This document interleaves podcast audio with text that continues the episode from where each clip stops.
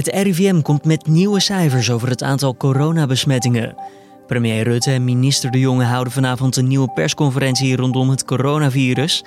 En in de VS wordt door de politiek ruzie gemaakt over stemmen via de post. Het klinkt redelijk simpel. Je krijgt een stembiljet toegestuurd, dat vul je in en vervolgens stuur je deze per post weer naar de tellers. Maar zo simpel als het klinkt, is het niet. De Amerikaanse postdienst heeft namelijk nogal te maken met wat veranderingen. Dit wordt het nieuws. Er is daar uh, recent een uh, nieuwe postmaster general, dus uh, directeur van de posterijen, aangesteld, Louis DeJoy. Dat is een grote republikeinse donor, een Trump-loyalist, die door de Amerikaanse president is aangesteld. En die heeft een hele simpele opdracht meegekregen: enorm bezuinigen bij de posterijen. En als gevolg daarvan is de postbezorging in het hele land op veel plekken al vertraagd. En daar vloeien dan ook die zorgen over de verkiezingen uit voort. Buitenlandsverslaggever Matthijs Lelou praat je straks bij over deze ruzie rondom de presidentsverkiezingen in de VS. Maar eerst kort het belangrijkste nieuws van nu. Mijn naam is Julian Dom en het is vandaag dinsdag 18 augustus. In de VS is de Democratische Nationale Conventie gestart. Deze editie zal vrijwel volledig online plaatsvinden vanwege de coronapandemie. Op deze eerste dag hebben onder andere senator Bernie Sanders en voormalig First Lady Michelle Obama gesproken. So let me be as honest and clear as I possibly can. Donald Trump is the wrong president for our country. He has had more than enough time to prove that he can do the job, but he is clearly in over his head. He cannot meet this moment.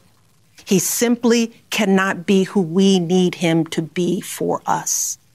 It is what it is. Daar hoorde je een kort stukje van de speech van Obama, die van tevoren was opgenomen.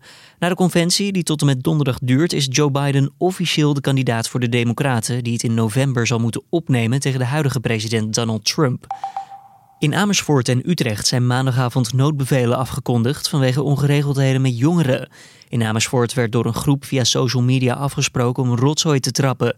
Eén persoon is aangehouden. Ook in Utrecht was het onrustig. De politie werd daar bekogeld met vuurwerk en stenen. Ook werd een scooter er in brand gestoken. Het is nog onduidelijk of daar aanhoudingen zijn verricht. Alle scholen in Nederland moeten hun onderwijspersoneel en leerlingen uiterlijk op 1 oktober laten weten of het ventilatiesysteem in hun schoolgebouw coronaproof is. Verder is er een landelijk coördinatieteam opgericht door minister Arie Slop voor basis- en voortgezet onderwijs en media. Dat er onder meer voor moet zorgen dat er een landelijk beeld ontstaat van de situatie rondom ventilatiesystemen op scholen. De goede ventilatie is van belang nu scholen weer openen om eventuele coronabesmettingen te voorkomen. Het reisadvies voor Zweden is grotendeels versoepeld naar geel. Slechts één regio blijft oranje. Het gaat om Västra Götalands län, waarin enkele grote steden als Göteborg liggen. Elders in het land zijn vakanties weer toegestaan. De reden voor de versoepeling is dat de besmettingsgraad in het land is afgenomen, meldt het ministerie van Buitenlandse Zaken. Ondanks het gele reisadvies vraagt het ministerie alsnog om waakzaam te blijven als mensen naar het gebied afreizen. Dan ons gesprek van deze ochtend. Een politieke rel in de VS rondom de verkiezingen 3 november. Hoe moet Amerika stemmen? Als ik zelf naar de berichtgeving kijk over de verkiezingen bij onszelf op nu.nl en bij de internationale pers, dan lijkt het alsof de strijd zich verplaatst van eentje die tussen de kandidaten gaat naar een strijd over het stembeleid komende november. Buitenlandredacteur Matthijs Lelou spreek ik hierover. Matthijs, kan je dit beeld wat ik in ieder geval heb toelichten alsjeblieft? De Amerikaanse posterijen, de nationale posterijen, de USPS, die uh, waarschuwden onlangs de meeste Amerikaanse staten dat het wel eens heel moeilijk kan worden om uh, stemmen die per post worden uitgebracht in de presidentsverkiezingen in november, om die op tijd uh, bij de tellers te krijgen. Uh, naar verwachting uh, zullen uh, zo'n 80 miljoen Amerikanen dit jaar vanwege de coronacrisis ervoor kiezen om per post te, te, stemmen, dus briefstemmen. dat betekent dat er een stembiljet naar hen toe moet worden gestuurd en dat ingevulde stembiljet vervolgens ook weer naar de kiesbureaus moet worden gebracht. En uh, de pasterijen zeggen dus van ja, dat gaat uh, heel moeilijk worden om dat allemaal op tijd te regelen. En daardoor uh, bestaat het risico dat mogelijk zelfs miljoenen stemmen te laat zullen komen en niet zullen worden meegeteld. Waar komt dat dan door? Nou, dat is voornamelijk het gevolg van bezuinigingen bij de posterijen. Uh, deskundigen die zeggen van ja, de USPS die heeft normaal gesproken echt wel de capaciteit om die 80 miljoen briefstemmen om die te verwerken. Kijk bijvoorbeeld naar kerstmis. Dan rond die tijd wordt er zeker zoveel post verstuurd. Ja, dus, kerstkaarten dus, gaan de hele wereld rond. Nou, inderdaad. Dus op zich kan het. Maar er is daar uh, recent een uh, nieuwe postmaster general, dus uh, directeur van de posterij aangesteld, Louis DeJoy. Dat is een grote republikeinse donor, een Trump-loyalist, die door de Amerikaanse president is aangesteld. En die heeft een hele simpele opdracht meegekregen: enorm bezuinigen bij de posterijen. En als gevolg daarvan is de postbezorging in het hele land op veel plekken al vertraagd. En daar vloeien dan ook die zorgen over de verkiezingen uitvoert. Je zegt een opdracht meegekregen. Is die opdracht dan ook direct vanuit Trump, de president, gekomen? Ja, want uh, de president die houdt zich uh, al wel langer met de posterijen bezig. Um, hij heeft in het verleden al wel gezegd dat hij vindt dat de USPS uh, moet co kunnen concurreren met Amazon, hè, het, het almachtige postorderbedrijf in de VS. Um, en daar zit nog een beetje een randje aan, omdat Jeff Bezos, de eigenaar van Amazon, die bezit ook de Washington Post. Een krant die vaak nogal kritisch is over Trump. Dus er zit een beetje een, een persoonlijke vendetta zit daar ook onder. Uh, en um, nou goed, deskundigen die zeggen van ja, je kunt die, die twee bedrijven niet met elkaar vergelijken. Want de uh, posterijen, dat is gewoon een tak van de federale overheid. En die heeft niet een winstoogmerk. Dus die is er vooral om diensten te, te, te leveren aan de Amerikaanse belastingbetaler. Terwijl Amazon natuurlijk gewoon een for-profit bedrijf is. Kan je misschien een voorbeeld geven van ja, hoe dat dan in de praktijk werkt? Dat deze posterijen dus ja, als het ware worden uitgekleed momenteel. Nou, Louis de Joy heeft een uh, aantal dingen gedaan. Hij heeft, uh, ten eerste heeft hij zijn medewerkers te verstaan gegeven dat ze geen uh, overuren meer mogen opnemen. de cultuur bij de USPS was altijd een beetje van, nou ja, we gaan pas naar huis als alle post verwerkt is. Dat is dus niet meer zo. Er blijft veel post achter in, in de postmagazijnen. Ehm, het aantal ritten dat bezorgers maken is naar beneden gebracht. Er vinden geen avondritten meer plaats. Um, er is een regel gekomen dat alle post, ja, er gaan om negen uur s ochtends gaan er ritten uit. En alle post die dan niet op een wagen ligt, die wordt uh, gewoon die dag niet bezorgd. Dus uh, wat dat betreft, uh, um, ja, wordt het, de hele bezorging wordt trager. En de Jordi heeft ook honderden sorteermachines, geavanceerde sorteermachines. Die heeft hij uit de running laten nemen. Dus dat heeft ook effecten op de snelheid. Maar de Democraten, als we daar dan even naar kijken, gaan die hier dan gewoon in mee? Of zitten zij, denken zij dat er wat anders achter zit vanuit Trump gezien? Ja, die denken niet dat het puur gaat om bezuinigingen om de post winstgevend te maken. Die zeggen, ja, het is natuurlijk wel heel erg opvallend dat president Trump er op dit moment in de peilingen niet zo goed voor staat. En uh, president Trump die heeft er zelf ook bepaald geen geheim van gemaakt. Dat hij uh, vindt dat stemmen per post, dat dat nadelig zou uitpakken voor de Republikeinen. de president die hamert er de hele tijd op, op dat stemmen per post enorm fraudegevoelig zou zijn. Hij zegt letterlijk van nou, als, we dat, als iedereen dat gaat doen, dan krijgen we de oneerlijkste verkiezingen ooit. Is daar bewijs voor?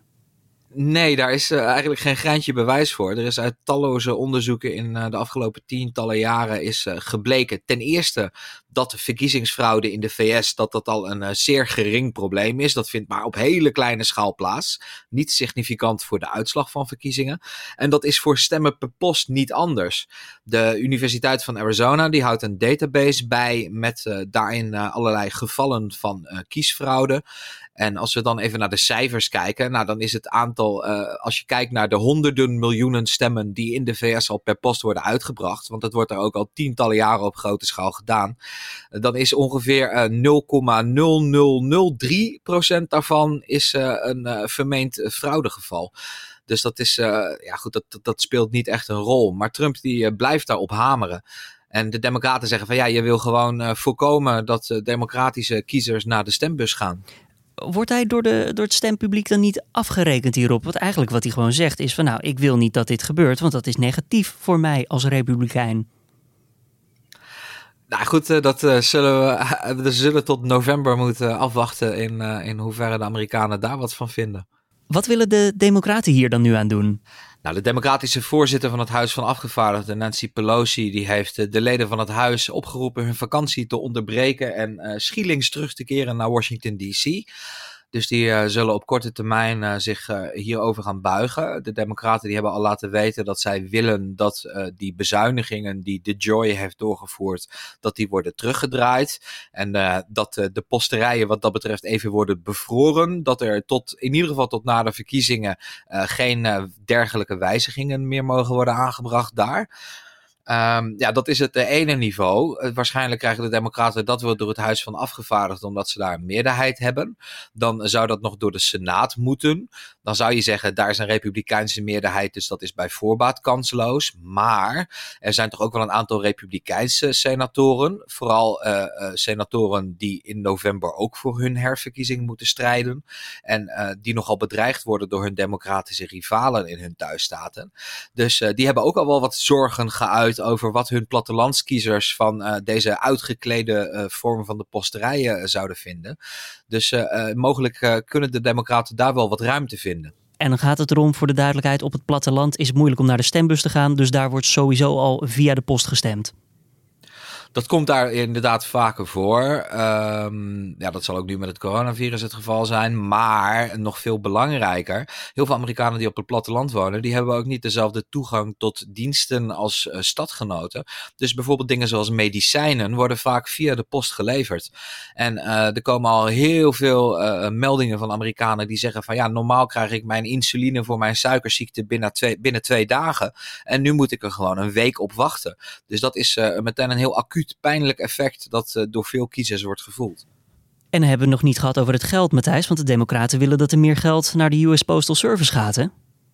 Ja, er moeten miljarden uh, naar de posterijen toe. De Democraten die uh, willen, dat, op, die willen dat opnemen in een tweede steunpakket met allerlei maatregelen voor de coronacrisis. Om de economie weer een beetje een, een oppepper te geven. Um, de Democraten en de Republikeinen die liggen al wekenlang, al anderhalve maand lang liggen ze met elkaar overhoop over dat grote steunpakket. En dat zit allemaal muurvast. Dat betekent dat ook dat extra geld voor de posten, dat daar voorlopig nog geen zicht op is. Uh, de Democraten wilden in eerste instantie in die komende drie jaar 25 miljard extra in, uh, uitgeven aan de USPS.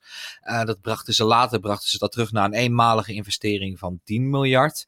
Maar goed, dan moet er natuurlijk wel eerst schot in de onderhandelingen komen. En president Trump die lijkt nu ook uh, dat, die, dat geldt voor de posterijen tot inzet te maken van die onderhandeling. Want hij zegt van ja, als de Democraten hier geen deal over kunnen bereiken, zij willen graag stemmen per post en dan, dat krijgen ze dan niet. Het gaat spannend worden op 3 november. Denk, denk jij dat we op 4 november weten wie de president is? Nou, nee. En dat is uh, wel heel anders dan uh, normaal. Daar zullen wij ons ook bij nu.nl uh, op moeten instellen die traditionele verkiezingsnacht, dat je eigenlijk uh, zo ochtends in Nederland uh, uh, al op de voorpagina's kunt zien wie het geworden is. Dat zit daar waarschijnlijk niet in. De enige manier waarop dat zou kunnen gebeuren is als de overwinning voor de ene of andere kandidaat zo groot is dat het meteen op die avond al duidelijk wordt. En dat lijkt niet heel erg waarschijnlijk. Dus het tellen van de stemmen die op vele verschillende manieren zullen binnenkomen, capaciteitsproblemen, het zou best eens weken kunnen duren. En stel dat de marges heel klein zijn en ook de rechtbanken zich erover moeten uitspreken, dan zou het er misschien zelfs maanden kunnen duren. Buitenlandverslaggever Matthijs Leroux, hartstikke bedankt voor het gesprek. Dan verder nog eventjes de nieuwsagenda voor deze dinsdag. Het RIVM maakt om twee uur vanmiddag bekend hoeveel mensen vorige week bewezen besmet zijn geraakt met het coronavirus. En ook weten we dan onder meer wat het percentage positief test is op het totale aantal testen en hoeveel andere mensen een coronapatiënt gemiddeld besmet. Verder geeft het RVM een toelichting op die cijfers, zoals hoeveel zorgen we ons inmiddels moeten maken en welke regio's momenteel het hardst zijn getroffen door het coronavirus. Premier Rutte en coronaminister De Jonge houden vanavond weer een persconferentie over de pandemie. Twee weken geleden deden ze dat ook al en toen waarschuwden ze. Als het aantal besmettingen zo zou blijven stijgen, zouden er mogelijk weer strengere maatregelen volgen. En de afgelopen weken is het aantal besmettingen juist verder opgelopen. De persconferentie begint om 7 uur vanavond en is te volgen via de livestream van nu.nl. Het zogeheten Speciaal Tribunaal voor Libanon maakt vandaag bekend of vier verdachten schuldig zijn aan een aanslag op premier Hariri 15 jaar geleden. Daarbij ontplofte een bestelbus terwijl de stoet van de premier langs reed. Hij en nog 22 andere mensen kwamen om het leven. De vier verdachten zijn gelieerd aan Hezbollah, maar die noemt het proces al jaren een samenswering van de Verenigde Staten en Israël. Als de vier schuldig worden verklaard, horen ze pas over enkele weken wat hun straf zal zijn. Het weerbericht. Deze ochtend her en der stapelwolken en verspreid over het land vallen wat buien. In het oosten kan dat samenvallen met een klap onweer. De zon die laat zich ook nog eventjes zien vandaag, al ligt de temperatuur wel een stuk lager dan vorige week. Het wordt zo'n 21 graden in het noorden tot 25 graden landinwaarts. Om af te sluiten, nog even voetbalnieuws. FC Barcelona heeft trainer Setien maandag na zeven maanden ontslagen. De positie van de 61-jarige Spanjaard was onhoudbaar na de historische 2-8 nederlaag van vrijdag tegen Bayern München in de kwartfinales van de Champions League. Het was echt een afstraffing. De Catalaanse club meldt in een verklaring online dat er nu gezocht wordt naar een nieuwe trainer. En naar verluid zou er hard worden gewerkt om Ronald Koeman die kans op te halen. Er zou zelfs al een principeakkoord zijn gesloten tussen beiden. Maar Koeman is momenteel nog trainer van het Nederlands elftal en heeft daar een contract tot met het EK van 2021. Volgens de geruchten betaalt de club uit Spanje graag de afkoopsom om Koeman naar Barcelona te kunnen halen. En dit was dan de Dit wordt het nieuws ochtendpodcast van deze dinsdag 18 augustus. Tips of feedback kan je ons laten weten via podcast@nu.nl. Heb je vragen voor de week van nu, onze openbare redactievergadering die elke vrijdagmiddag op de voorpagina van nu.nl verschijnt, kan je ook diezelfde kant op mailen. Luister uiteraard vanmiddag ook naar de middageditie van deze podcast. Dan te horen met collega Jan van Houten. Mijn naam is Julian Dom en ik spreek je morgenochtend dan weer om 6 uur ochtend.